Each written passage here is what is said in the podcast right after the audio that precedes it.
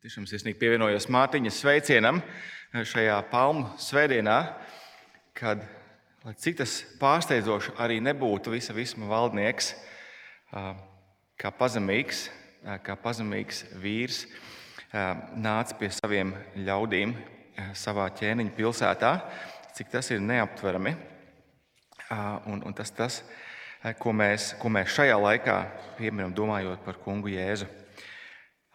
Mēs turpinām Lūkas evanģēlīja minisēriju, Lieldienas sēriju, kurā, kurā mēs cenšamies labāk saprast, labāk saprast un no jauna ieraudzīt, ieraudzīt to, ko Jēzus ir paveicis mūsu labā. Tāpēc šajā brīdī aicinu, ka mēs varam atšķirt Lūkas evanģēlīju un lasīsim kopīgi no 39. panta līdz 60 otrajam pantam.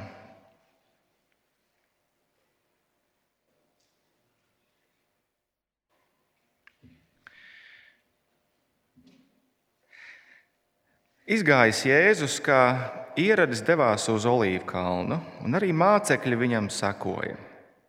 Un tajā vietā nonācis, viņš tiem sacīja: Lūdziet Dievu, ka jūs nekrītat kārdināšanā Viņš aizgāja no tiem sāņu akmens metienu attālumā un ceļos nometies, lūdza Dievu. Tēvs, ja tu gribi, ņem šo biķeri prom no manis. Tomēr, lai notiek nevis mana, bet tava griba. Tad viņam parādījās eņģelis no debesīm un viņu stiprināja. Nāves baiļu pārņemts, viņš lūdza Dievu vēl stiprāk, un viņa sviedra kā biezas asins lāses ritēja zemē. No lūkšanas piecēlies, viņš nāca pie mācekļiem un atrada tos bēdās aizmigušus. Viņš tiem sacīja: Kādēļ jūs guļat? Celieties un lūdziet Dievu, ka jūs nekrītat kārdināšanā. Viņam vēl runājot, redzi, nāca ļaužu pūlis, un viens no tiem divpadsmit vadīja jūda, gāja viņiem pa priekšu un tuvojās Jēzum lai viņu skūpstītu. Bet Jēzus tam sacīja: Jūda, vai ar skūpstu tu nodot cilvēka dēlu? Bet tie, kas bija ap, ap viņu redzēdami, kas notiek, sacīja: Kungs, vai lai cērtam ar zobenu? Un viens no viņiem cirta virspriestera kalpam un nocirta tam labo ausi. Bet Jēzus sacīja: Stājiet, pietiek! Un pieskāries ausī, viņš to dziedināja.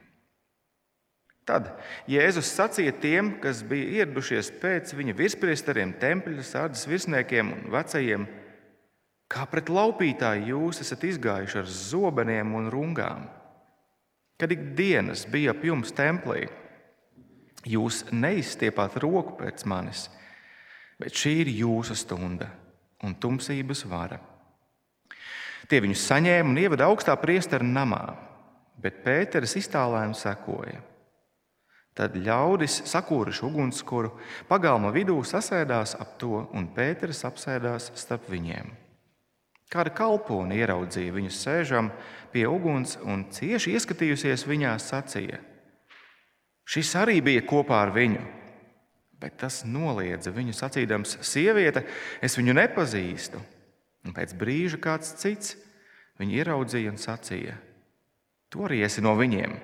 Bet Pēters teica: Cilvēki, es neesmu. Pagāja kāda stunda, un vēl kāds cits uzstāja. Patiesi, šis arī bija ar viņu, jo arī ir galilejietis. Bet Pēteris sacīja: Cilvēki, es nesaprotu, par ko tu runā.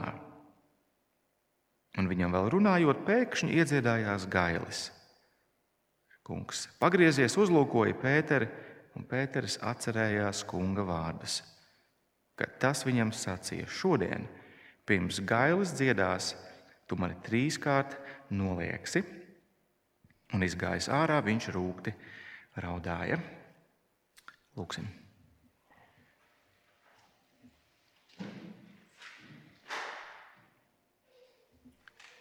Kungs, no jauna mēs atzīstam tavā priekšā brīnumu, ka tu visa visuma radītājs, valdnieks un kungs runā uz cilvēku, kas ir tik nepastāvīgs kā zāle. Un, kungs, mēs, mēs lūdzam, ka šajā brīdī, saprotot, kas, cik, tas ir, cik tas ir vērtīgi, mēs lūdzam, ka tu vari atdarīt mūsu ausis, mūsu prātus, mūsu sirdis, lai tavam dzīvības vārdam par tavu darbu ir vieta tajās. Kungs, mēs lūdzam tev to Jēzus vārdā. Āmen!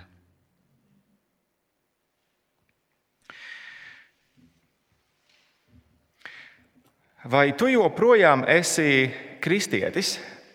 Tas nav neiejūtīgs jautājums. Īstenībā tam būtu jābūt jautājumam, ko mēs regulāri, regulāri uzdodam gan sev pašiem, un arī regulāri uzdodam viens otram. Varbūt nedaudz ar tādu kādreiz humoru mēs varam to uzdot, bet īstenībā tas ir svarīgs jautājums. Pieņemt to, ka es esmu kristietis, kā pašu par sevi saprotamu, ir bīstami. Kā tu zini, ka tu joprojām esi kristietis? Un mūsu raksturvietas atbildes, ticu, ir lūkšana. Tieši tik vienkārši. Lūkšana ir apliecinājums tam, ka es joprojām esmu kristietis. Mana pastāvīgā saruna ar manu debesu tēvu liecina par to, ka man rūp attiecības ar Dievu. Lūkšanai ir jābūt kristiešu pirmajai izvēlei. Pareizi sastopoties ar pārbaudījumiem, sastopoties ar grūtībām savā dzīvē, lūkšanā mēs saņemam šo vajadzīgo atgādinājumu par to, ka Dievs ir uzticams, ka Viņš ir spēcīgs. Mēs saņemam vajadzīgo stiprinājumu paļauties uz to, ka Viņš, ir, ka viņš darīs to, ko Viņš ir apsolījis. Bet tik bieži lūkšana, vai nav tā ir pēdējais salmiņš, pie kura kristieši ķeras.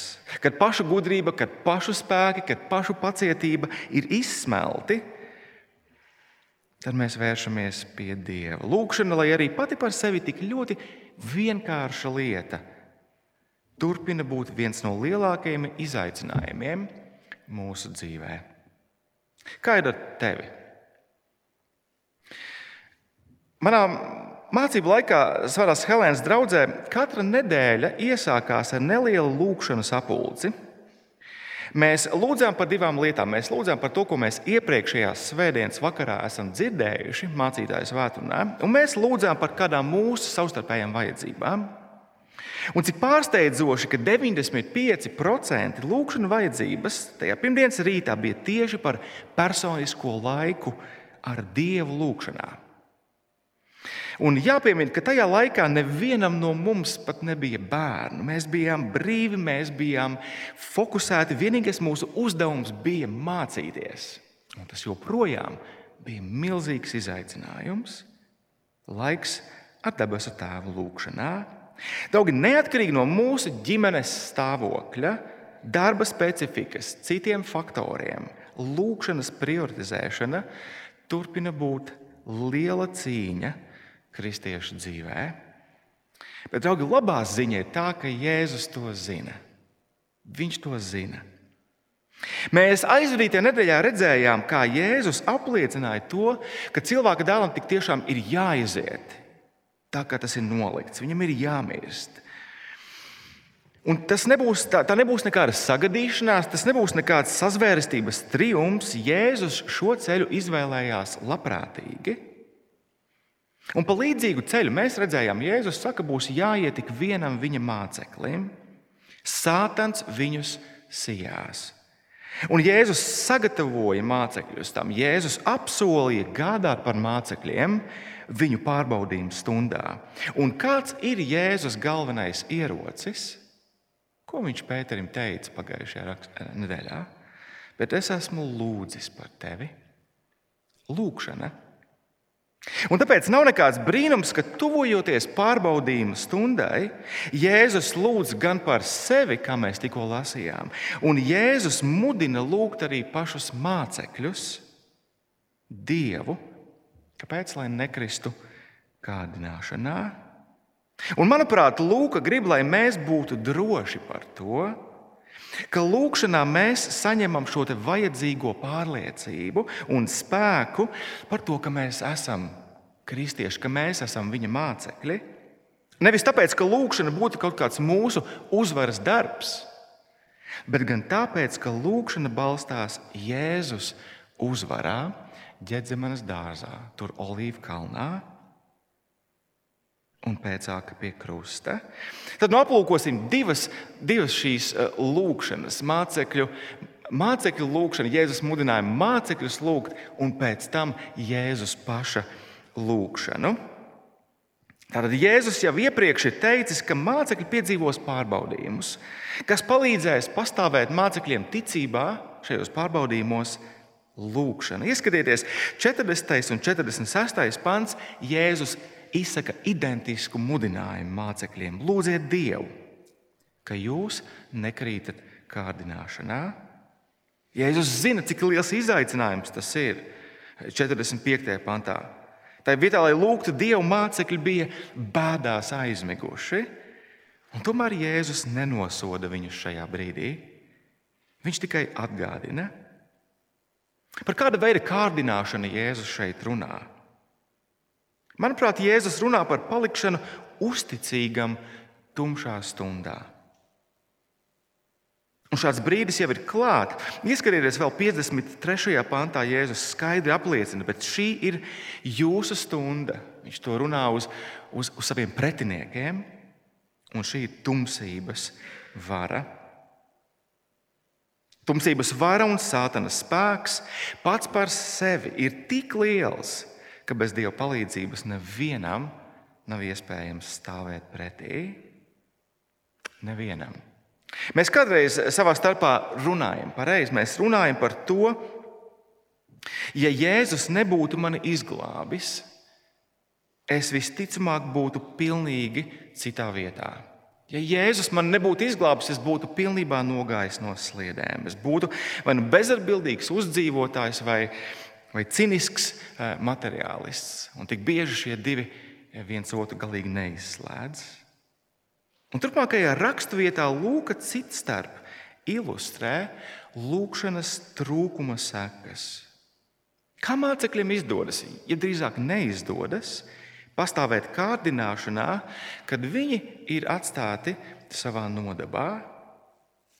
Divi, varbūt trīs negatīvi piemēri. Mēs redzam, pirmkārt, jūdas piemērs no 47.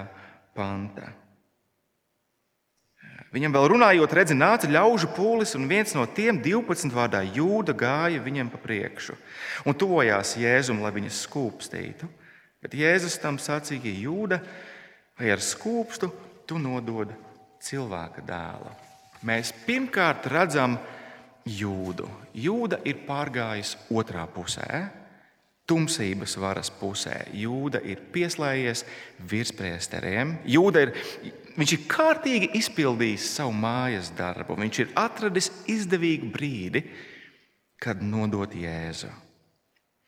Un iespējams, ka pirmajā brīdī e, sajūta Olīvu kalnā, ģedzemanas dārzā, izskatās pavisam nevainīga pulcēšanās. Ļaužu pūlis līdz šim evaņģēlijā ir bijis vienmēr pozitīvi noskaņots, vienmēr gatavs e, slavēt Jēzu. Tas klausījās Jēzus vārdos ar gavilēm pirms brīža um, un, un ar, ar, ar palmu zariem rokās tie sveica Jēzu. Bet Jēzus visai ātri pārtrauc šo neziņu, kas valda starp 47. un 48. pantu. Bet Jēzus tam sacīja jūda, vai ar skūpstu tu nodod cilvēka dēlu. Šī nebūtu nav draudzīga tikšanās. Jūda neizmanto savu pēdējo iespēju atkāpties. Tajā vietā viņš zemiski nodod savas tuvās attiecības ar Jēzu. Kā mēs jau redzējām, jūda ir baisa piemērs tam, kur var novest tāda pašpaļāvība, kur var novest neticība, alkatīgas sirds, kas meklē vienīgi savu labumu. Interesanti, kāda bija jūdas lūkšana dzīve. Protams, vienā ziņā jūda ir ļoti unikāls. Par viņa nodevīgo rīcību psalmists dziedāja jau vairākus simtus gadus pirms Kristus nāca. Bet kaut kādā ziņā, kaut kādā ziņā Jūdas brīdinājums ir aktuāls pilnīgi visiem, visiem kristiešiem. Viņa piemērs turpina būt par baisu piemēru tam, cik ātri ir iespējams noiet no sliedēm. Pirms kādiem trīs gadiem es uzzināju, ka kāds labi zināms mācītājs vienā baltā dienā paņēma, sakravāja savu čemodānu un izgāja ārā pa durvīm, aiz sevis atstājot sievu un bērnu. Kad es apvaicājos pie viņam tuvāk stāvošiem cilvēkiem par to, kas īsti notika, viens no vecākajiem brāļiem tikai pavisam īsi vienā teikumā noteica, viņa attiecības ar Dievu taču bija beigušās jau labu laiku iepriekš. Pareizi. Lūdziet Dievu, ka jūs nekrītat kārdināšanā. Jēzus saka, atstājot novārtā attiecības, attiecības ar Dievu, attiecības ar viņu. Tas var novest ļoti tumšā vietā ļoti ātri. Un mēs ieraudzam, ieraugam jūdas piemērā, ka viņš nodeva visu, kas, visu, kas ir svēts. Jūda vai ar skūpstu tu nodod cilvēka dēlu. Viņš nodeva visa visuma valdnieku. Bet tepat aiz stūra no 49. panta ir vēl viens piemērs, kuru es īstenībā sākumā nepamanīju.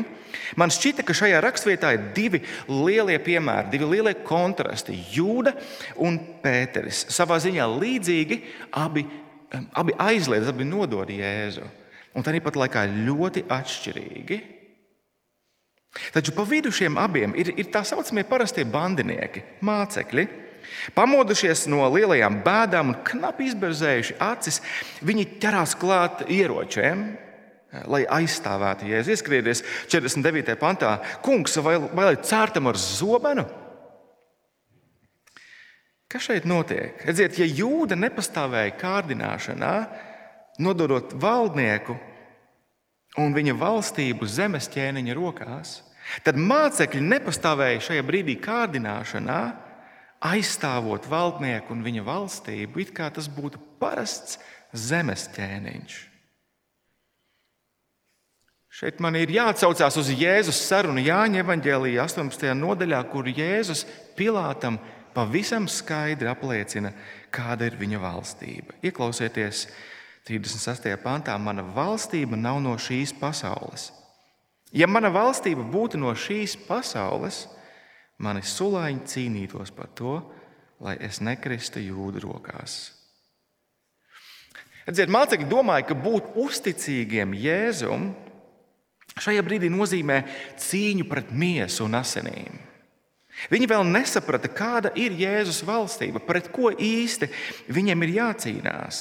Kā Pāvils mums, ticīgajiem, atgādina Efeziešiem 8. nodaļā, jo ne pret miesu un asinīm mums jācīnās, bet pret valdībām un varām, šīs tumsības pasaules valdniekiem un pret ļaunajiem gariem pasaules telpā. Lūdziet Dievu, ka jūs nekrītat kārdināšanā Jēzus arī šeit īstenībā nevaino mācekļus mīsīgajā rīcībā. Viņš viņus vienkārši apstādina. Viņš saprot, ka mācekļi grib labu. Un tomēr šis ir brīdinājums arī mums pareizi. Kas var notikt, ja mēs atstājam novārtā lūgšanu ar visiem gara ieročiem, ar visiem evaņģēlīja ieročiem? Mēs neizbēgami sāksim cīņu um, pret miesu un asinīm. Mēs vērsīsimies pret cilvēku tajā vietā, lai risinātu kādreiz problēmu. Un šī brīža ģeopolitiski nokaitētā situācija ir, ir tik ārkārtīgi pateicīga, pareizi, lai mēs cīnītos pret miesu un asinīm. Kungs, lai vai cērtam ar zobenu,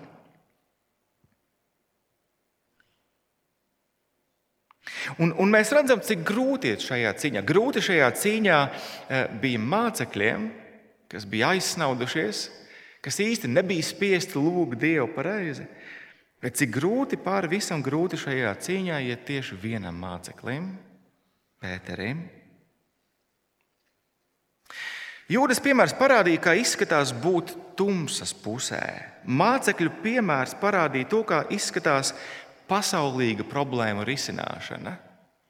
Bet Pētera piemērs parādīs to, ka tumsas varas stundā pilnīgi neviens nespēja stāvēt līdzās Jēzum. Neviens nespēja pastāvēt kārdināšanā. Kādu, kādu brīdi Pēters nudien domāja, ka viņš ir izņēmums vai ne? Apbruņojies ar apņēmību, iet cietumā Jēzus dēļ un, un gatavību Jēzus dēļ mirt. Pēteris sekoja Jēzum augstā priestera pagalmā. Ieskatieties no 54. panta. Tie Jēzus saņēma un ievada augstā priestera namā. Bet Pēteris iztālēm sekoja, tad ļaudis sakūruši ugunskura pagalma vidū sasēdās ap to, un Pēteris apsēdās starp viņiem. Bet jāsaka, tas ir arī viss, ar ko Pēters bija apbruņojies šajā brīdī. Ar savu apņēmību un ar savu gribas spēku. Turpmākās pusotra stunda vai kā, tajā laikā Pēteris atklāja to, ka patiesībā viņš ir pilnīgi kails. Mēs, mēs, mēs zinām šo tik pazīstamo epizodi un situāciju. Pareizi. Izbies no kalpones ciešās skatiena, 56. pantā pie ugunskura Pēteris liedzas. Ieskatieties, sievietes viņu nepazīst. Pēc brīža arī viņas draugs piesējās Pēterim. 58. pantā tu arī esi no viņiem, bet Pēteris teica, cilvēki, es neesmu tas.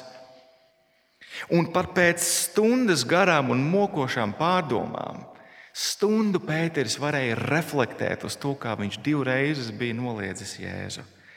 Viņa gribas spēks bija, bija pilnīgi, pilnīgi nulle. Pēters trešo reizi noliedza cilvēku, es nesaprotu, par ko tu runā.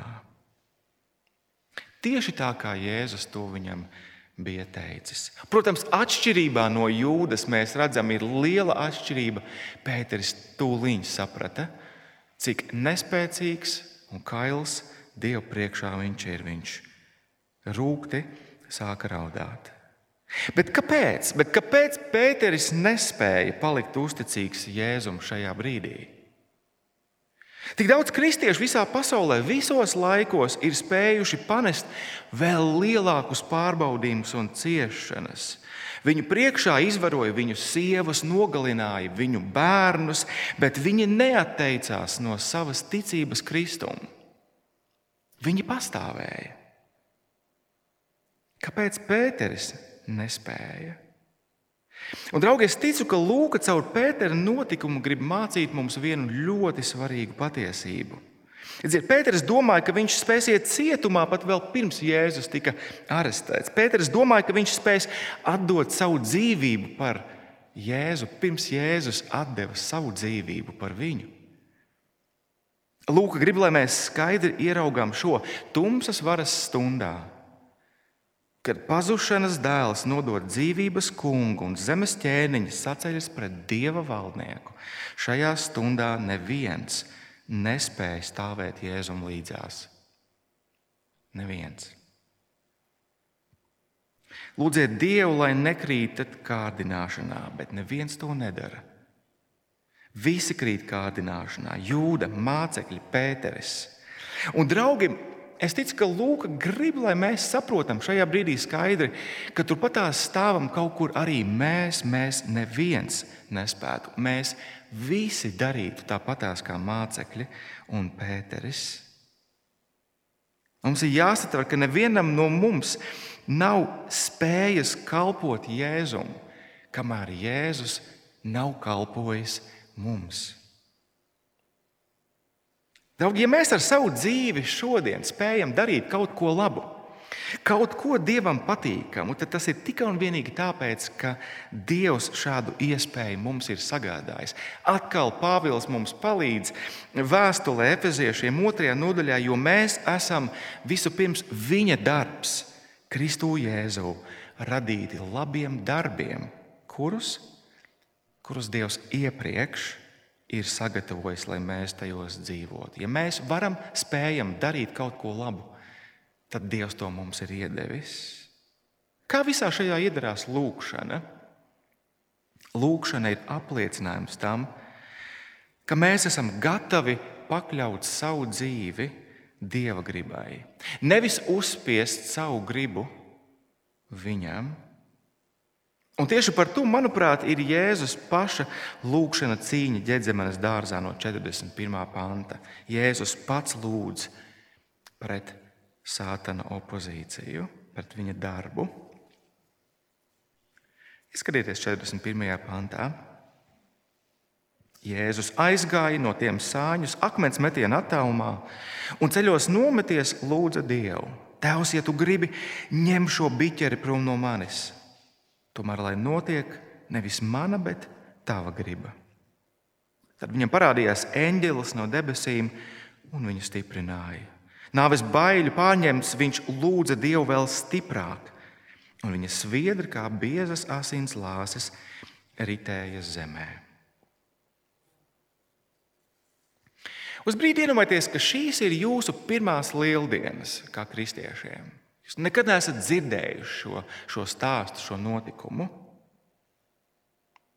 Kādas emocijas jūsos izraisa Jēzus uzvedība? Nu, Iedomājieties, ka jūs esat lasījuši Lūkas evanģēliju, jūs pirmo reizi nonākat šeit, šajā brīdī, šajā, šajā kalnā, šajā dārzā. Jūs varbūt atceraties, ka Jēzus ļoti pārliecinoši stājās pretī sātana kādināšanai tuksnesī evaņģēlijas sākumā. Kā viņš ļoti pārliecinoši stājās pretī katrai opozīcijai līdz šim. Jēzus ļoti skaidri izšķīrās vienā brīdī, ap 9. nodaļu. Pareizi viņš grieza savu vaigu pret Jeruzalemi, savu um, ciešanu, nāves sodu izpildes vietu, un viņš devās droši, izšķīrās iet pretim tam, pārliecināts, drošs. Tad kā, kā jūs jūtaties lasot 41. un 42. pantu?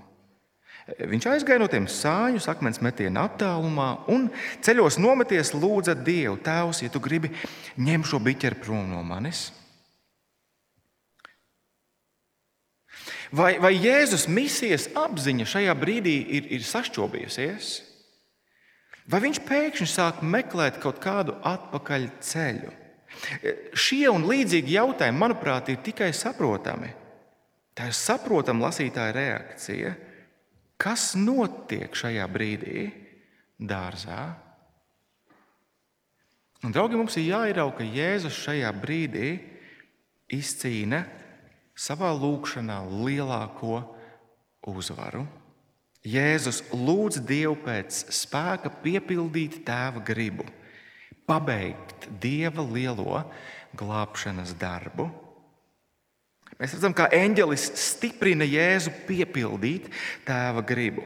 Lai to izdarītu, Jēzum ir nepieciešama no dienas tēva palīdzība. Jā, šajā brīdī mēs patiešām ieraugām kā, kā Jēzus ir cilvēks, pilnīgs cilvēks. Mēs ieraugām viņu visā viņa cilvēciskumā. Bet vienlaikus, draugi, Jēzus cilvēciskums nebija grēcīgs. Jēzus šeit nemeklē atpakaļ ceļu. Viņš nemeklē, kā varētu atkāpties. Būdams pilnīgs cilvēks, Dievs, Jēzus vienkārši lūdz dievišķu palīdzību turēties pie tēva plāna. Un viņš šo palīdzību saņem. Eņģelis no debesīm stiprina Jēzu, iet cauri pilnīgam mentālam un fiziskam sabrukumam. Vēlreiz ieskatieties 42. pantā. Nāves baiļu pārņemts, viņš lūdza Dievu vēl stiprāk, un viņa sviedri, kā biezas asins lāses, ritēja zemē. Kā tas ir iespējams? Kam ir jānotiek šajā brīdī, lai tāda, tādā situācijā kāds cilvēks varētu nonākt? Kas notiek šajā brīdī dārzā? Un, draugi, mums ir jāsaprot, ka Jēzus šajā brīdī savā lūkšanā, Olīvu kalnā, iet cauri Ellei. Jēzus piedzīvo ciešanas, kādas nespēja piedzīvot un panest neviens cits cilvēks uz šīs pasaules. Ja ļoti daudz cilvēku pasaules vēsturē iespējams ir piedzīvojuši vēl lielākas mocības, vēl lielāku spīdzināšanu nekā Jēzus. Cilvēki, mēs varam lasīt vēstures avotos, savas ticības dēļ ir sarauti gabalos, viņu ķermeņa daļas ir amputētas, viņi ir iemesti plēsīgiem zvēriem par laupījumu, viņi ir aizdedzināti kā lāpas, dzīves, degošas lāpas. Bet, lai kādas ciešanas arī kristieši nepiedzīvotu savas ticības dēļ, joprojām neviens tās nevar nosaukt par iešanu cauri ellē, jo šādas ciešanas piedzīvoja vienīgi Jēzus. Lai ko mēs kā lasītāji šajā brīdī domātu, mēs nevaram izvairīties no vienas lietas. Un tā ir, ka Jēzus apzinās, ka viss, kas ar viņu notiek šajā brīdī, ir tēva griba. Jēzus lūdz palīdzību šo tēva gribu piepildīt pat tad, ja tas nozīmē iet cauri Ellei. Bet kas tad bija tēva griba Jēzus dzīvē? Ja mēs jau redzējām, piepildīt dieva glābšanas darbu, bet ko īsti tas sevī ietver? Mēs ieraugām visbeidzot, ka tēva griba bija satriekt Jēzu. Izskatieties, vēlreiz 42. pantā, Tēvs, ja tu gribi ņem šo biķeri prom no manis, tomēr lai notiek nevis mana, bet tava griba. Tēva griba ir, lai Jēzus izdzer viņam pasniegto biķeri. Pravietis Jesaja, kur mēs, kur mēs šajā laikā īpaši aplūkojam, sevišķi 53. nodaļu, 10. pantā, un tur jaunais tulkojums palīdz mums labāk šoreiz. Mēs ieraugām praviešu vārdus, Jā, kungam patikās viņu satriekt ar sērgu. Un Jēzus lūdz pēc spēka pieņemt to. Jēzus elīgās ciešanas ir unikālas, draugi. Nevis tāpēc, ka viņš mirst ļoti mokošā nāvē. Jēzus ciešanas ir unikālas tāpēc, ka viņa mūžīgi mīlošais tēvs šajā brīdī visas savas šausmīgās dusmas izgāž uz savu paša mīļo dēlu. Šī mācība ir ķecerība un zaimi tiem, kas ir pazušanā. Bet tiem, kas ir glābti, šī mācība ir Dieva gudrība, šī mācība ir Dieva apbrīns. Redziet, šis biķeris nav vienkārši abstrakta metāfora Jēzus fiziskajām ciešanām. Šim vārdam Bībeles valodā ir ļoti konkrēta nozīme. Biķeris, jeb kauss, ir dieva taisnīgās, kvēlās dusmas un sots, kas nāk pār viņa ļaudīm par to, ka viņi viņu atmet. Es gribu kopā jums divas raksturvietas aplūkot šajā brīdī, un tiešām atšķirsim viņas kopā 846. lapas pusē. Ir Ecehēla grāmata, 23. nodaļa. 846. lapas puse, Ecehēla 23. Un ieskatieties no 32. panta. Ecehēla 23, 32. pāns.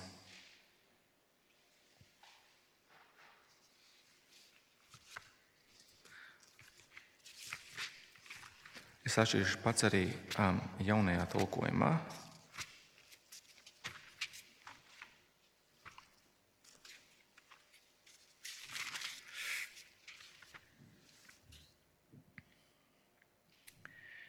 Tā saka, Kungs, Dievs, tu dzersi savas māsas kausu, kausu, kas liels un dziļš, tas kā nievas un zaimi, daudz tajā lietas. To piepildīs ar iznīcību un sērām, šausmu un posta kauss, tavas māsas, Samarijas kauss. Vai nav baiss apraksts Kaus ir dieva taisnīgās un pamatotās dusmas un sots. Un tas rada izbailes, tas rada šausmas. Bet nevienam dieva ļaudīm, par ko eh, Ecehēls runā, pravietis Jeremija vēstīja par dieva sodu, kas nāks arī pār citām tautām. Atšķirsim vēl vienu raksturvietu, Jeremijas 25, 779. lapas pusē.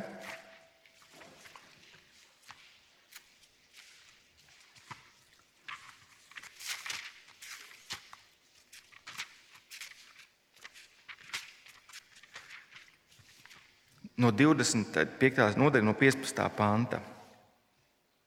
Kungs, Izraēla Dievs man teica tā: ņem no manas rokas šo dusmu vīna kausu un dzirdini no tā visas tautas, pie kurām es tevi sūtu. Un tās dzers, grīļosies un streipuļos zobena priekšā, ko es tām sūtu.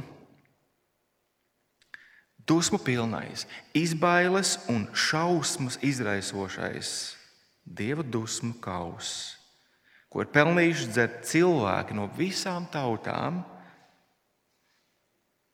un tautībām. Šajā brīdī, draugi, šajā brīdī šis kauss tiek nolikts Jēzus priekšā. Un kas īsti šajā kausā ir iekšā? Saskaņā ar bauslību Par nepaklausību apsolītais dieva lāsts satur nāvi, slimības, badu, dažādus apdraudējumus, iznīcību, sakāvi, deportāciju, nabadzību, negodu un daudz ko citu. Bet, lai mēs sāktu iztēloties tā apmērus vēl plašāk, Jēzus neuzņemās tikai Izraēla derības lāstu kausu. Jēzus, jaunās derības starpnieks, uzņemas visos laikos un vietās dzīvojošo visu ticīgo grēka lāsta kausu. Kas tas ir par apmēru? Es atceros, kā man to labāk palīdzēja saprast tāda vienkārša ilustrācija kādā studentu misijā pirms vairākiem gadiem. Runātājs lika klausītājiem iztēloties, kā kā viņa rokās ir kauss, kuras saturs ļoti koncentrētā veidā reprezentē viņu grēku. Domās, vārdos, darbos. Un mēs zinām visas tās lietas, kas būtu iekšā šajā biķerī. Pareizi. Ļaunās domas, aizdomas, skaudība, nevie, nenovīdība, slinkums, kūtrums, dusmas, ātrsirdība, nesavaldība, alkatīga alkatība, uguns aizdedzināta mēlē, meli, zaimi un tā tālāk. Skaus būtu pilns ar visu to. Un tad runātājs lika iztēloties, kā kristieši ar sava grāka dzīves kausiem rokās nebeidzam garā rindā stāv, lai iztukšotu šo savu kausu tādā milzīgā, milzīgā lielā kausā. Iedomājieties, visas pasaules vēsturē dzīvojušie un kas vēl dzīvos kristieši šādā rindā stāv. Un šī kausa destilāts ģēdzemanas dārzā, Olīvu kalnā šajā brīdī tiek pasniegts Jēzum. Vai mēs kaut nedaudz labāk sākam iztēloties, kāpēc Jēzus lūdza tā, kā viņš lūdza? Tēvs, paņem šo biķeri prom, ja tu gribi, bet lai tava griba notiek. Brāļi un māsas, vai šī patiesība neliek mūsu sirdī līksmot slavā, pateicībā, kā mēs īstenībā pirmajā dziesmā dziedājām, kā var klusēt, kā var nedziedāt, kā var izteikt pilnībā to, kāda ir, kāda ir tava mīlestība, Tēvs, uz mani? Kā? Daudz svētajā vakarā, ko mēs pēc brīža svinēsim, mēs darīsim, iedomājieties, tieši pretējo. Mēs stāvēsim rindā ar tukšām rokām, lai mēs pienāktu un saņemtu un baudītu svētības biķeri. Jo mūsu kungs mūsu vietā par mums baudīja lāsta biķeri. Kungs, Jēzus lūgšanā izcīnīja šo pašu lielāko uzvaru pār tumsu, pār sātana varu. Eņģeļa stiprināts Jēzus piepildīja tēva gribu, nomirstot tavā manā vietā pie krusta. Pakļaujoties un paļaujoties šim Jēzus veikumam, draugi, tikai un vienīgi tam mēs esam Dieva bērni. Mūsu lūgšanas, lai arī cik nepilnīgas, cik vājas, cik nespēcīgas, tās apliecina to, ka mēs esam viņa bērni, ka mēs esam gatavi pakļaut savu dzīvi debes tēva gribai. Īsi lūksim.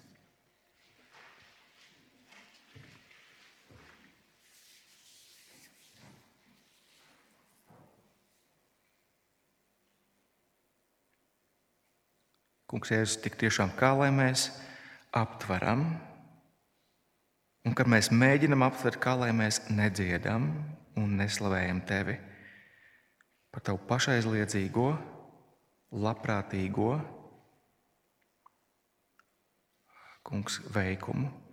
Paldies, kungs, ka tu izdzēri dieva dusmības kausu līdz galam un pilnībā mūsu vietā un mūsu dēļ. Kungs, paldies, ka tas, ko mēs bijām pelnījuši, Dieva dusmas un sodu, Tēvs pilnībā izgāza uz tevīm. Kungs, paldies, ka tu caur šo Jēzus paklausību esi padarījis mūs par kristiešiem. Dabas Tēvs, tāpēc mēs lūdzam, kā tavi bērni, ka tu dodi mums spēku dien dienā pastāvēt Kungs palīdz mums, stiprina mūs, mūsu lūgšanu dzīvē, ka mēs nekrītam dažādu veidu kārdināšanās, bet ar savu dzīvi varam pienest godu tev. Jēzus nopelnē, Āmen!